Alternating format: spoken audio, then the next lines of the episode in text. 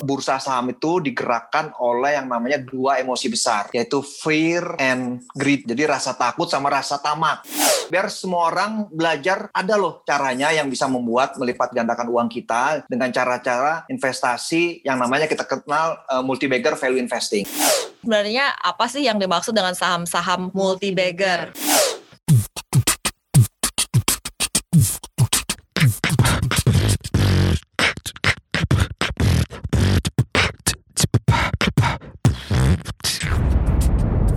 Cuap-cuap cuan. Halo Sobat Cuan, ada Alin dan ada Alin juga. Alin Maja ya. Iya, Alin Berat Maja ya, yang ini. Gitu. Uh, jadi duo Alin ini hari ini Sobat Cuan ya kedatangan satu tamu spesial. Betul. Yang bisa menggait Sobat Cuan untuk menjadi cuaners multi bagger. Betul, cuan yang langgeng ya. Bapak ini sebenarnya adalah dosen di ITB, tapi hmm. dia juga uh, founder Investor Academy Indonesia. Hmm. Nah, siapa kenalin dong, Mbak? Kenalin ini. Jadi si Bapak ini maksudnya kita Mas Donald Christopher. Nah, Mas Donald Christopher ini seringnya disebut sebagai Warren Buffett Bandung. Oh, wow. Ini berarti waktunya nih sobat cuan kita gali ilmunya, eh kita curi lah ya ilmunya boleh ya Mas Donald ya. Boleh, boleh. supaya dengan senang hati. Supaya dengan muncul hati. juga Warren Buffett mana misalnya Tangsel, Warren Buffett Depok gitu kan. Betul. Warren Buffett Bekasi, kebun jeruk saya dong. Iya. Warren Buffett Tendean kan ya, bisa asik. gitu. Gimana nih uh, kabarnya nih Mas Donald? Ya, halo, halo. Ini apa namanya? Salam kenal ya, Mbak Alin. Apa namanya? Kembar atau kembar siam atau ini apa nih? kembar ketemu gede. Salam kenal semua ya sama pemirsa. Jadi apa namanya? Eh, kabar baik lah, kabar baik. Jadi tahun 2020 eh, kita udah dapat eh, cuan tebal ya, multi bagger. Nah, mudah-mudahan 2021 terjadi lagi dengan berbagai apa namanya? proyeksi yang sudah kita lakukan ya. Oke. Okay. Hmm, berarti udah dapet nih. Iya, tapi iya. mungkin buat teman-teman yang belum terlalu familiar dengan istilah multi bagger, gitu kita ya? boleh dari awal dulu ya kalau hmm. gitu ya. Jadi boleh dijelasin nggak, Mas Donald ini sebenarnya apa sih yang dimaksud dengan saham-saham multi bagger? Iya, iya, iya. Jadi ini pertama backgroundnya kan uh, ya tadi uh, teman-teman di komunitas itu apa nyebut saya itu uh, Warren Buffett Bandung ya padahal sebenarnya sih belum pantas lah ya. Sebenarnya kalau Lokeng Hong lah Lokeng Hong Warren Buffett Indonesia ya. Uh, walaupun sebenarnya juga namanya itu juga uh, dari segi keberhasilan beliau udah oke okay, tapi sebenarnya namanya kurang pas. Termasuk juga kalau saya mau dibilang juga mungkin uh, Lokeng Hong tuh lebih cocoknya pendekatannya bukan Warren Buffett tapi Benjamin Graham jadi, jadi benar-benar murni value investing yang gaya lama. Warren Buffett yang muda waktu uangnya belum sebanyak sekarang itu gayanya seperti itu.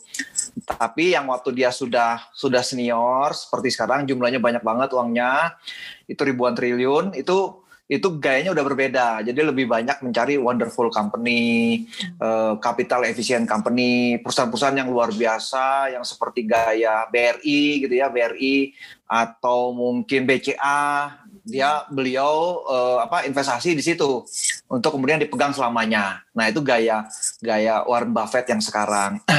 Lo Keng Hong nggak seperti itu. Jadi sebenarnya uh, tidak pantas diberikan bukan tidak pas sebenarnya uh, dari dari keberhasilan beliau sangat berhasil. Tapi lebih cocok gayanya sebenarnya di gaya uh, apa namanya Benjamin Graham. Nah hmm. itu yang yang saya pelajari. Jadi uh, walaupun tidak langsung diajari sama Lokengong karena beliau biasanya kalau seminar kan cuma ngasih pengantar-pengantarnya aja ya kan apa sih keuntungan berinvestasi di bursa saham, emiten-emitennya apa aja. Nah, ini ini yang saya pelajari secara diam-diam dari emiten yang beliau pilih ya kan, dari beliau pilih dan gayanya itu sebenarnya gaya Benjamin Graham. Tapi ditambah beberapa konsep dari Peter Lynch, itu ada beberapa misalnya pemilihan emitennya itu kan Peter Lynch ada enam nih, ada enam tipe-tipe perusahaan yang bisa kita invest. Salah satunya tadi Wonderful Company, Capital Efficient Company, yang yang Warren Buffett. Tapi sebenarnya eh, apa namanya si Lokengo ini nyarinya yang yang tipikal cyclical atau turnaround. Hmm. Artinya dia akan beli perusahaan-perusahaan yang yang lagi jatuh ya kan lagi jatuh karena siklus ekonomi misalnya perusahaan-perusahaan komoditas. Ini 2020 sangat sangat menggambarkan ini. Jadi waktu jatuh harga semua komoditas nah dia beli kayak gitu. Untuk kemudian dia jual di harga tertinggi. Dengan cara demikian kita bisa mendapatkan multi bagger Oke. ya kan? Jadi misalnya saya pernah beli eh, Ciwi Kimia, Ciwi Kimia di harga 900 perak per lembar saham. Dalam waktu satu tahun saya bisa jual itu jadi 10 ribu. Jadi 10 bagger dalam waktu satu tahun. One bagger 100% berarti nih ya. Iya, one bagger 100% ini kita 1000% gitu kan. Jadi dengan cara demikian kita itu sebenarnya meniru gaya Lokeng Hong. Uh, tapi dengan cara diam-diam memilih kita lihat analisis, saya lihat analisis uh, emiten-emitennya yang dipilih seperti apa sih?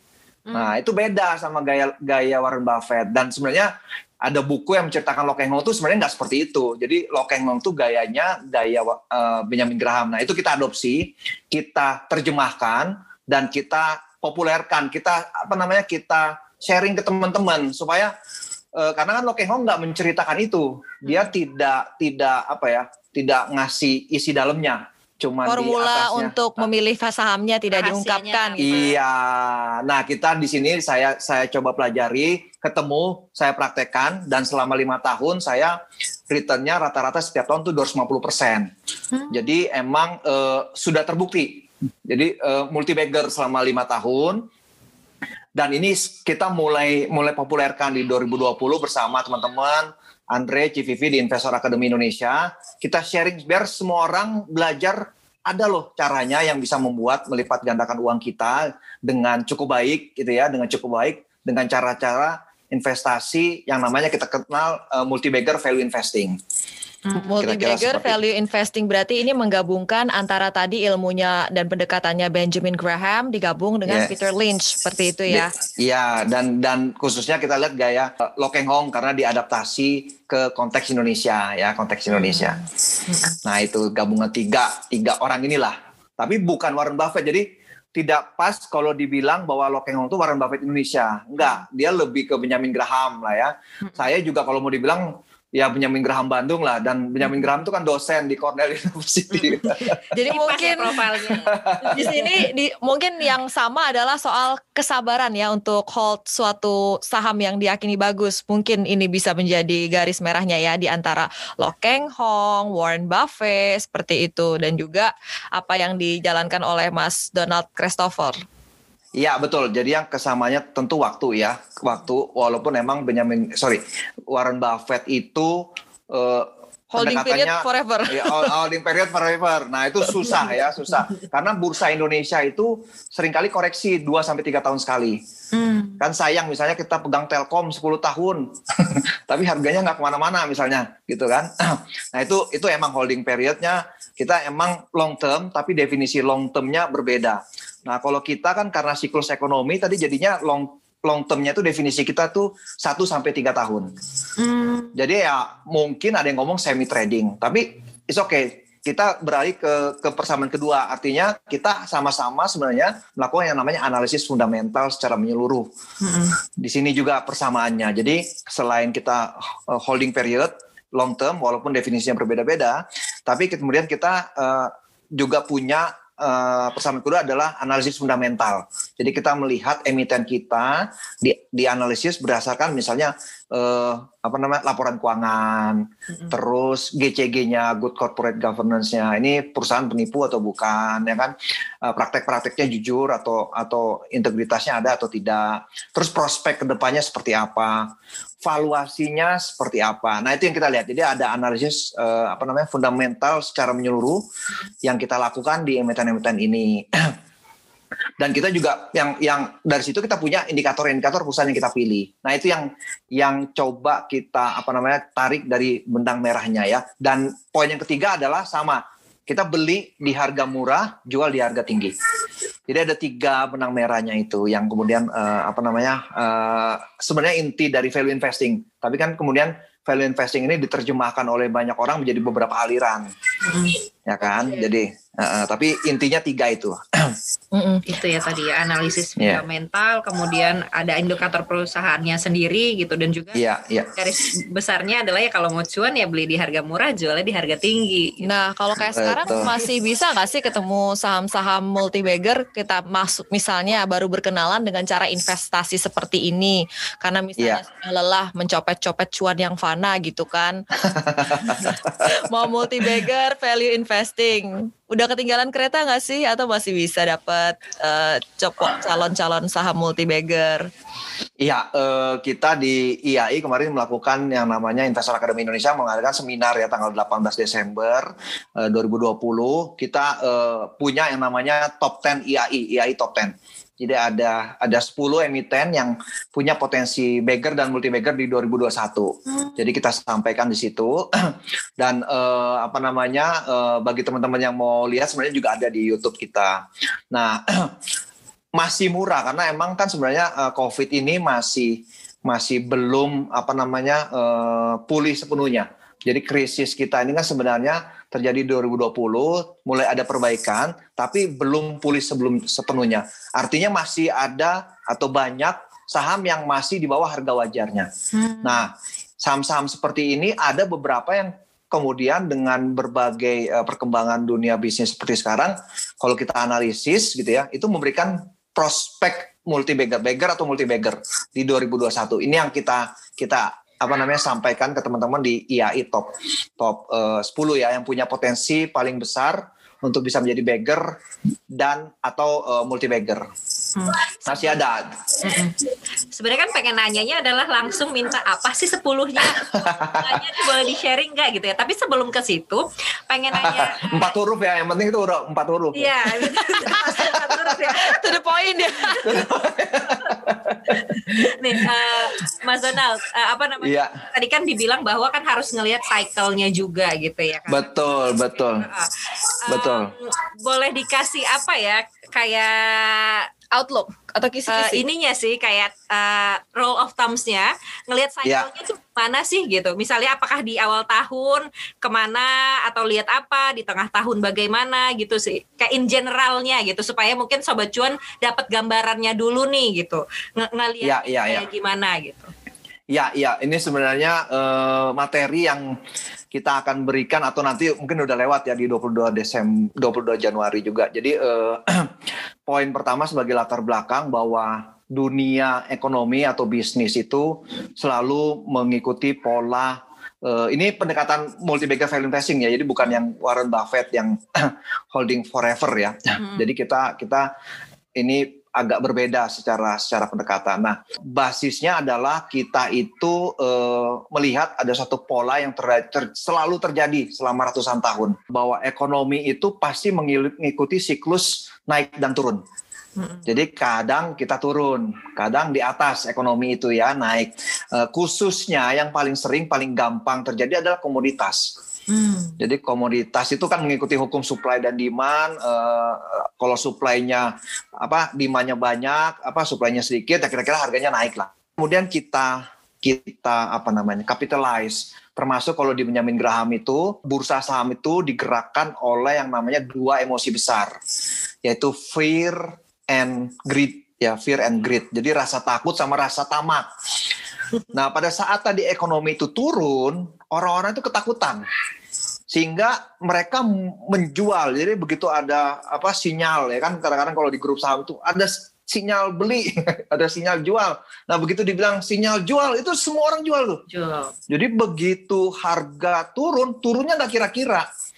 Sehingga kita sering kali mengikuti apa melihat suatu fenomena-fenomena yang luar biasa, perusahaan-perusahaan bagus yang sebelumnya untung, tapi karena emang perusahaan komoditas itu kemudian harganya hancur hancur-hancuran. Jadi misalnya kita pernah melihat kasus Indika Energi, perusahaan sebesar itu gitu ya, dihargai di PBV 0,1 kalau nggak salah di 2017 2016. Di situ kan Hong masuk eh, di harga 140-an, 150-an. Kalau tidak salah 40 miliar. Dan ada beberapa lah termasuk misalnya Pak Juliardi Sunendar, orang-orang eh, apa namanya besar di bursa saham kita masuk itu sehingga harganya naik 700 Hmm. saya masuk di 700 ya kan? Saya masuk di 700 dan kemudian nggak nggak berap nggak sampai satu tahun harganya naik empat ribu.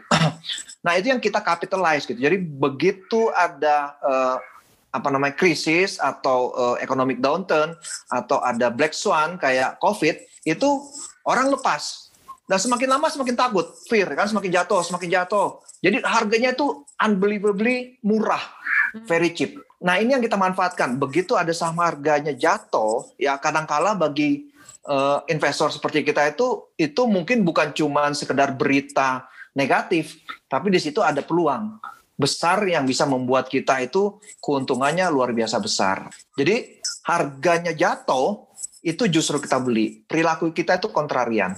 Nah, begitu nanti harganya naik gitu ya sampai ke ke 3000 4000 kita lihat misalnya patokannya harga batu bara kalau nggak salah itu pernah sampai ke harga 100. Nah, ini cukup tinggi di situ saya lepas. Jadi begitu orang sudah mulai euforia untuk untuk apa namanya membeli kan kadang-kadang tadi yang pertama pada saat dia turun dia digerakkan oleh emosi fear ya kan hmm. tapi begitu naik ini naik naik naik terus gitu ya itu mulai digerakkan oleh emosi greedy ya kan greed ya kan tamat pingin ikutan FOMO ya kan hmm. fear of missing out jadi kayak kayak uh, KF IRA Enough uh, Breeze wah ini naik terus nih pingin ikutan.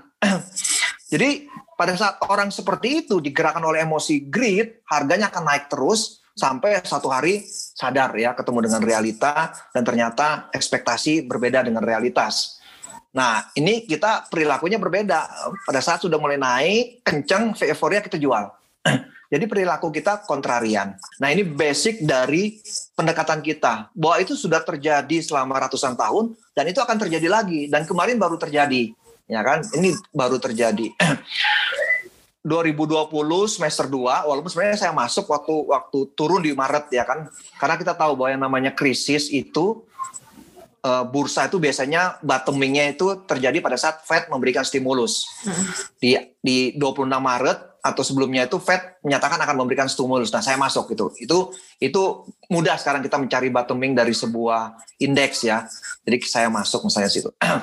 nah, dari situ kita mulai lihat pemulihan, pemulihan. Tapi kan belum semua ya, belum semua saham dan malah hampir semua saham itu belum pulih ke harga wajarnya yang kita lihat itu mungkin yang pertama oke okay lah ada beberapa kasus Bris, Kimia Farma, Indofarma, IRA ya yang like-nya luar biasa, Antam dan sebagainya. Tapi kalau kita lihat yang baru menyentuh all time high-nya itu adalah BRI sama BCA misalnya. Nah, mungkin ada beberapa lagi yang lain. Artinya sebenarnya masih banyak perusahaan itu yang masih di bawah harga wajarnya. Dan ini yang kemudian kita analisis untuk kemudian kita uh, melihat di 2021 mereka punya potensi bagger dan multi bagger, ya kan? Kenapa seperti itu gitu? Kenapa kita yakin bahwa uh, mereka bisa bisa punya potensi apa namanya? bagger dan multi bagger ya. Yang pertama kita uh, analisis makro ya, analisis makro bahwa uh, ini kan dengan adanya COVID, dengan adanya stimulus, dengan adanya tren suku bunga rendah di, di negara maju, seperti di Amerika, di Eropa, itu tuh bunganya cenderung 0% atau bahkan negatif. Artinya apa? Artinya US dollar atau mata uang mereka itu tidak berharga lagi, ya kan? Dan kalau mereka mau investasi atau deposit atau obligasi di negaranya, itu keuntungannya tipis. Jadi bagi mereka jauh lebih atraktif untuk bisa berinvestasi di emerging markets seperti Indonesia. Dan ini sudah polanya juga selalu terjadi seperti ini gitu ya. Apalagi Joe Biden akan sangat mendukung apa uh, isu-isu seperti ini. Nah, kalau kita lihat datanya pada saat harga dolar merendah ya, melemah, hmm. itu rata-rata indeks di emerging markets itu naiknya 22,5 persen dalam satu tahun itu. Jadi kalau kita lihat, misalnya kita asumsinya kemarin di IHSG 6.000 ya, mulai tanggal berapa? 2 Januari misalnya, di awal Januari itu. Di akhir tahun, kita akan melihat indeks itu harusnya, kalau mengikuti data ya, polanya, itu akan tembus di atas 7.300. Akan akan lewat di 7.300 harusnya. itu poin yang pertama.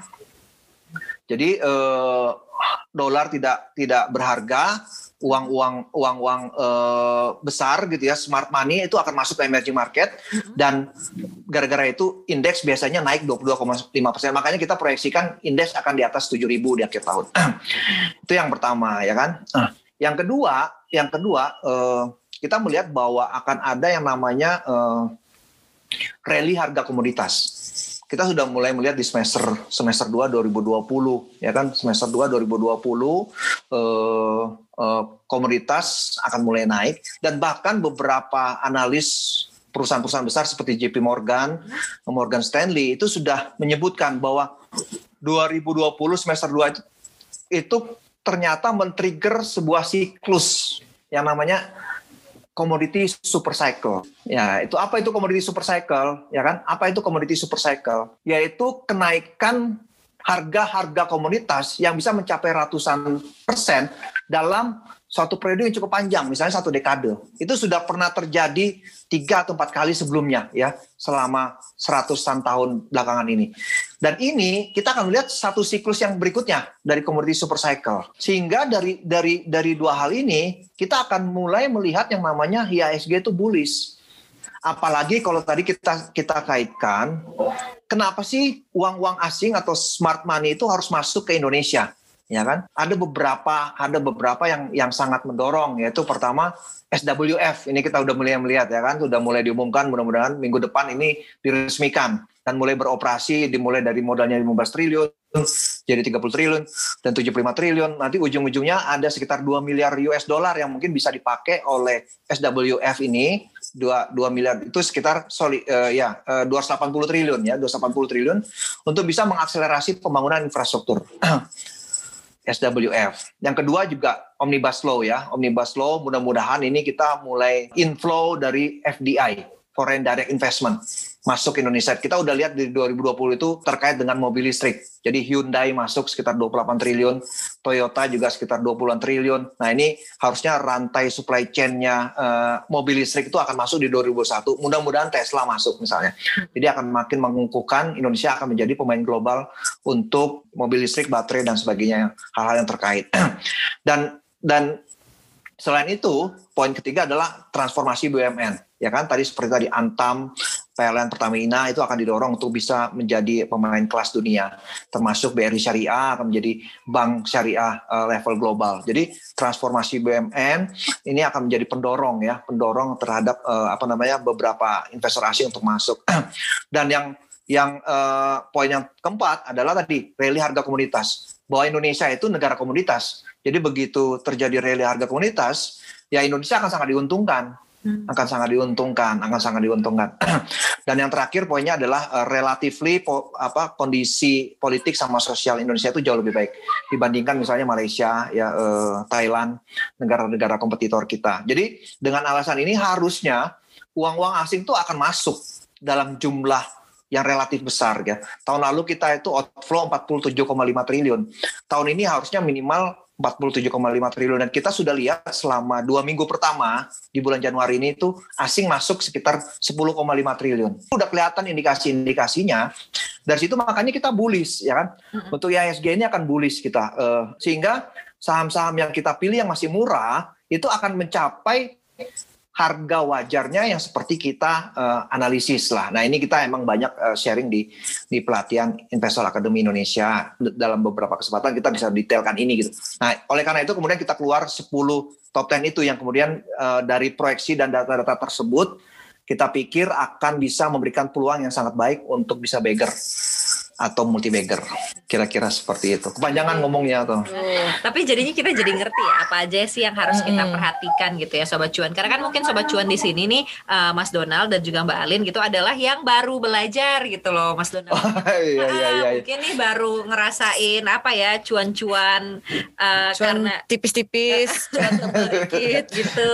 Karena kan sekarang pemulihan gitu ya otomatis kan memang banyak yang memang naik gitu kan kalau misalnya belinya dari tahun lalu di 2020 Betul, betul, betul, betul. Jadi uh, misalnya sudah menemukan emiten-emitennya, ini melepasnya pada saat PBV 1 atau mencapai harga wajar atau murni uh, tadi indikatornya saat terjadi euforia di market. Nah, kalau euforia di market itu apa sih uh, misalnya itu alasannya apa yang menjadi penanda utama ini market lagi euforia?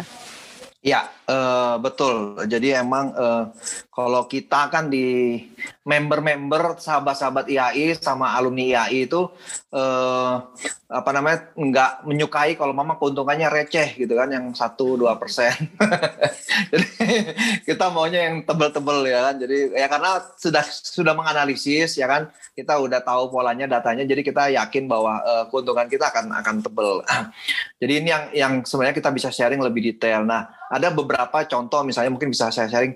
Misalnya kita punya uh, salah satunya adalah uh, perusahaan gas negara. Hmm. Perusahaan gas negara ini kan masih di PBV PBV 1 sebenarnya. Jadi kalau kita lihat track recordnya uh, uh, Pegas ya itu ada beberapa catatan lah. Uh, yang pertama Pegas itu harus diingat bahwa uh, dia itu monopoli monopoli ya.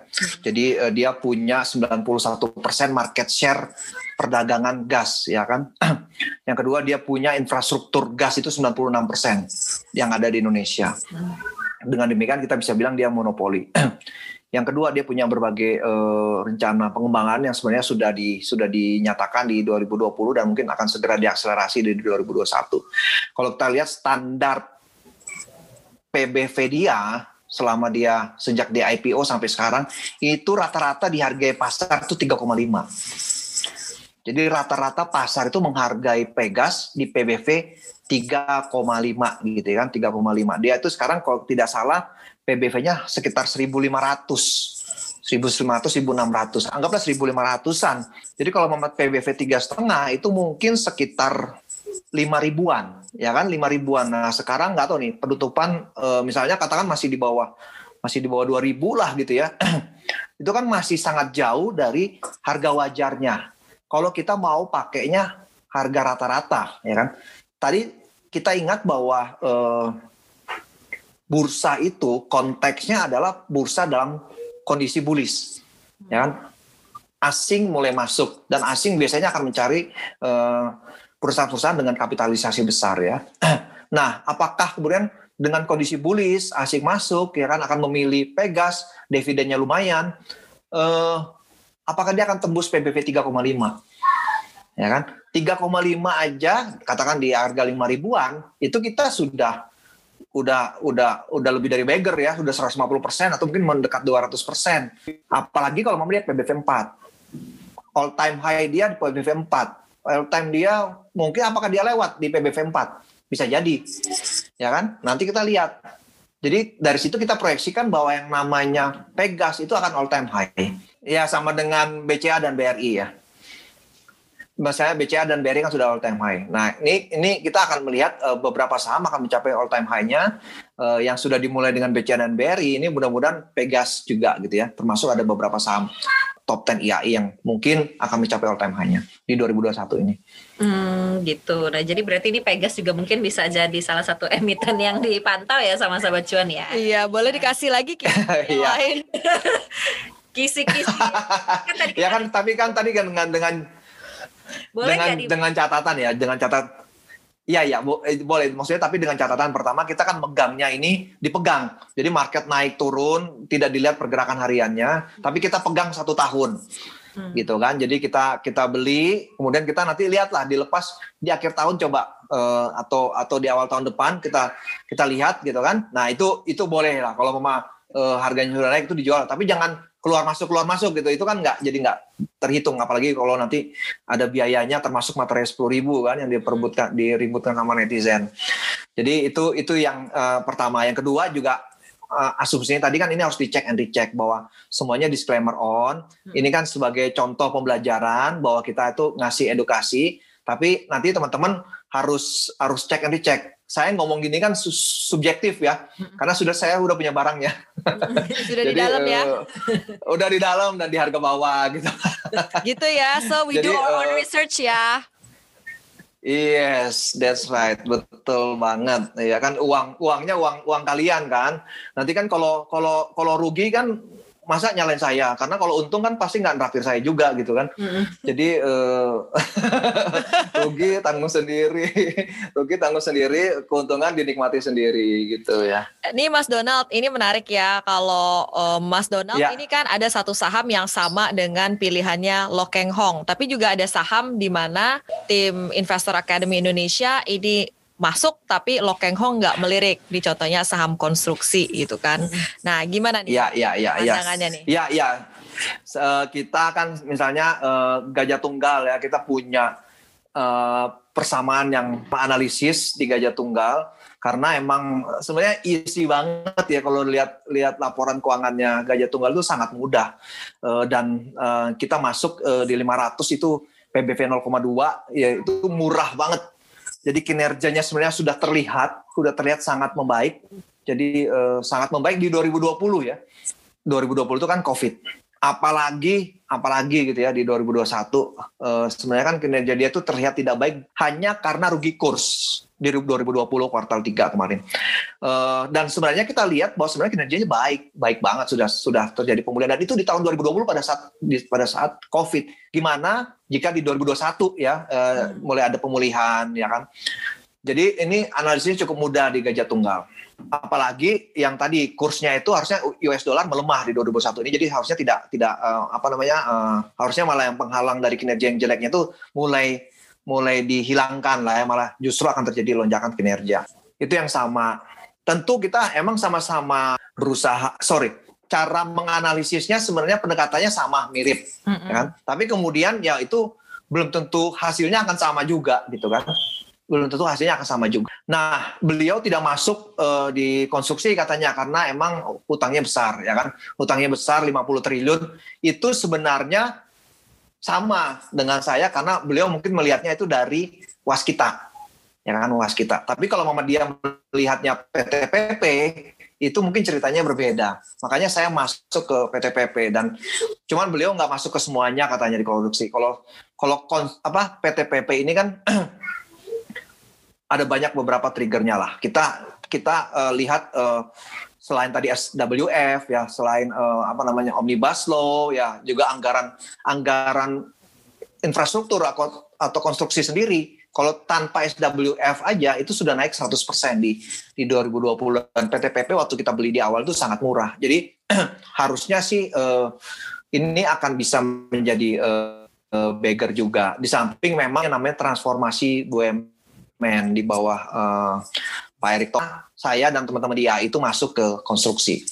Hmm. Tentu ada beberapa beberapa hal detail yang kita juga analisis. Ya, tapi emang poinnya dengan pendekatan yang sama, dengan gaya yang sama, itu belum tentu menghasilkan eh, emiten yang sama. Ya, Hmm, gitu bisa aja memang eh, apa namanya analisisnya sama tapi mungkin ada fakta-fakta gitu ya atau data-data yang didapatkan yang beda sehingga keputusannya berbeda gitu. Atau mungkin persepsi ya, misalnya eh, dari betul. ada yang nganggap utang segini nggak apa-apa safe, ada yang nganggap terlalu udah berisiko takut. lah gitu.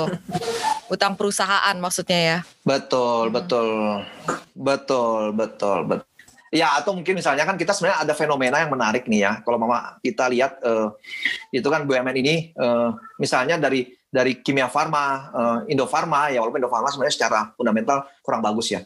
Tapi BRI Syariah, eh, BRI Syariah ini yang fenomena BUMN yang eh, ditransformasi sehingga kemudian bisa menghasilkan kinerja yang lebih baik dan kemudian harga sahamnya eh, apa namanya eh, naik luar biasa. Ini yang kita kita tangkap ya.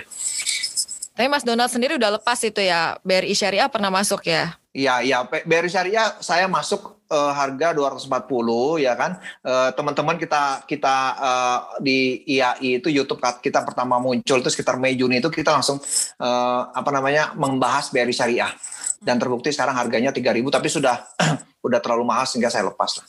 Hmm. Jadi kalau kayak gitu, kalau kita multi bagger value investing, berarti kita juga harus membatasi istilahnya, meskipun market masih seru banget, masih belanja di saham itu, tapi kalau sudah dirasa sudah cukup, berarti harus tahu membatasi diri juga ya, dalam artian, ya itu tadi, know when to Iya. stop before ya Iya, iya, betul. Jadi jadi kita kan kontrarian ya. Kita kontrarian artinya anti mainstream.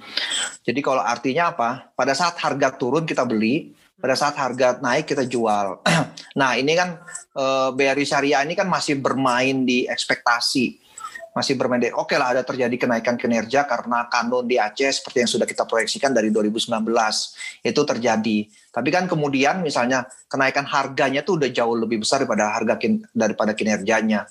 Sehingga nanti pada saat kita melihat misalnya dia mergernya terjadi di bulan Februari, kemudian keluar laporan keuangan Maret 2021 ini itu jauh dari ekspektasi pasar harusnya ya. Sekarang ini sudah euforia PBV 5 bahkan induknya aja tidak sampai PBV 5 atau kalau kita mau lihat BCA ya BCA itu nggak tahu empat setengah atau lima gitu. Masa BRI Syariah itu akan dihargai sama dengan BCA secara valuasi ya. Jadi ini doesn't make sense. Sehingga kita udah harus mulai tahu lah untuk bisa uh, apa namanya keluar gitu ya. Pada saat tadi orang sudah mulai greedy udah mulai greedy terlihat nah itu itu waktunya keluar. Kalau orang yang value investing multi bagger, apakah mereka akan melakukan averaging up untuk saham-saham mereka yang misalnya dari sekian saham yang dipegang, ada yang lajunya lebih kencang yang uh, dari yang lain atau akan melakukan average down juga misalnya saat harganya kembali terdiskon lagi atau seperti apa sih sebenarnya strateginya kalau sudah iya. sahamnya? Iya, uh, Misalnya eh, kita dua-duanya dilakukan, tapi tergantung dengan uh, analisis dan perkembangan bisnis ya. Jadi uh, misalnya uh, kasusnya misalnya Tekim gitu ya kan. Tekim Ciwi Kimia, saya waktu analisis itu di harga 900, target price saya itu di per 10-an atau belasan itu sekitar 5 ribuan.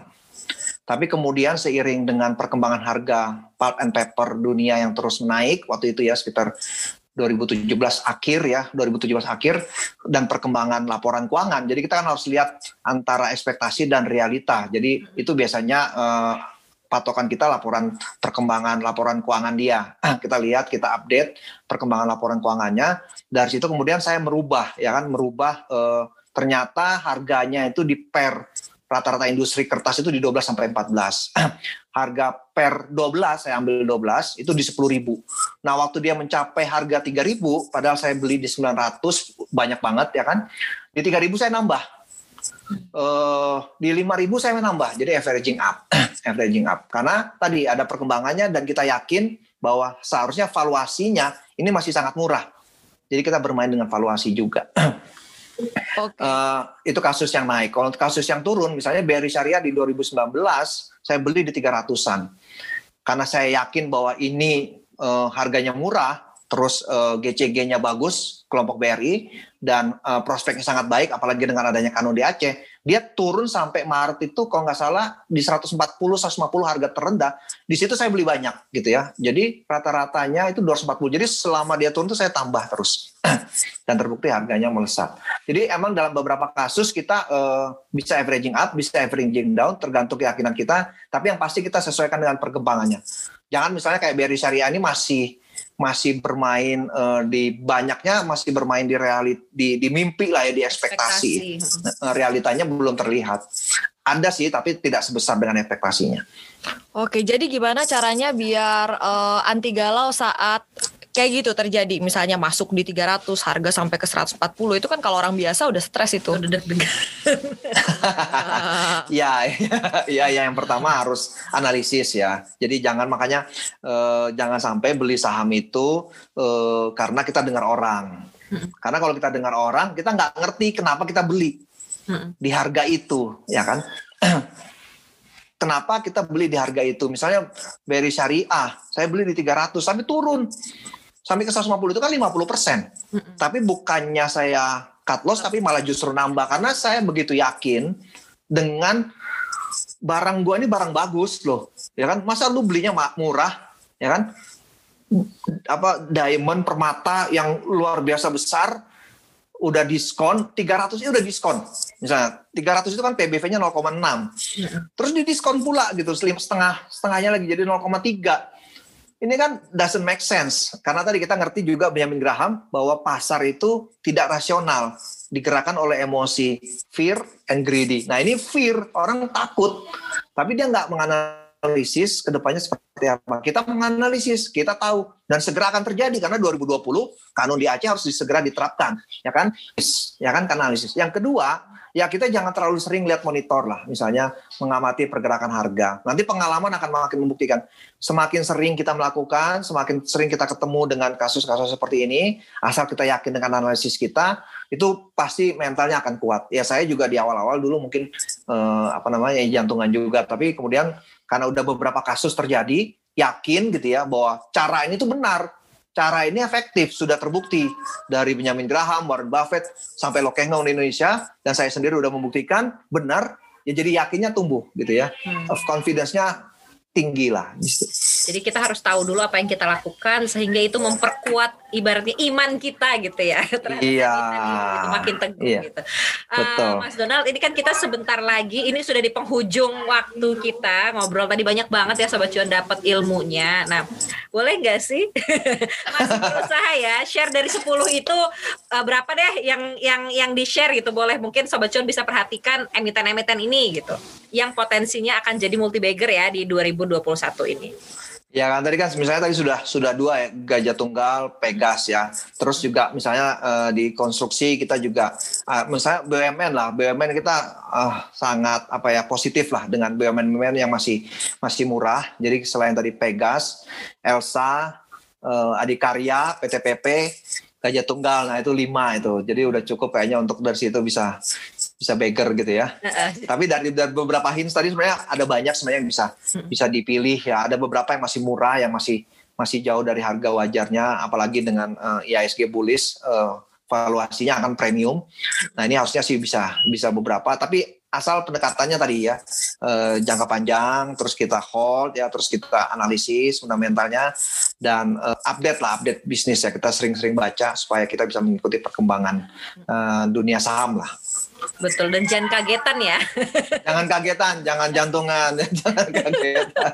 jadi biar ini biar beneran terwujud gitu jadi cuannya multi bagger gitu sobat. Betul, betul, hmm. betul sekali. Nah, Mas Donald terima kasih banyak. Ini tadi kita dapat informasi dan juga ilmu yang banyak banget nih sobat cuan ya. Kalau misalnya sobat cuan mungkin selama ini tahunya oh uh, investor yang kaya tuh ya Lo Keng Hong atau taunya Warren Buffett gitu ya. Tadi disebut tuh sama Mas Donald uh, apa investornya apa aja tipe-tipenya kayak gimana. Nah, ini juga jadi salah satu informasi buat sobat cuan. Mungkin abis ini belajar lagi tuh bagaimana sih uh, apa namanya strategi investasi dari investor-investor yang tadi disebut gitu sama Mas Donald gitu ya. Memang Betul. Pak dosen jadi informasinya tuh ini luas gitu ngasih tahunya. Komprehensif, komprehensif. Uh, gitu. Iya, iya. Ini yang mau ditambahkan kan? Udah cuma mau saya thank you aja tadi analisanya tadi uh, top down ya dari global dulu, sektoralnya langsung di ujungnya ada kode-kode emitennya. empat huruf ya. Iya empat huruf pokoknya gitu ya. Kayaknya yang paling penting itu empat huruf itu. Kalau tiga huruf itu enggak ya. ya gitu aja deh Sobat Cuan ya obrolan kita kali ini gitu ya dengan Mas Donald Christopher Lantu. Saksikan, Saksikan terus. terus dengerin terus maksudnya cuap-cuan di podcast kita di Spotify di kemudian Apple Podcast atau juga Google Podcast dan kita juga punya Instagram di @cuap underscore cuan gitu. Oke, makin paham makin cuan. Mm -mm. Bukan ya ini beda program beda, ya. Beda segmen. Dan kalau gitu terima kasih banyak Mas Donald. Yo, terima kasih Mbak Alin, Mbak Alin ya. Uh, Bye.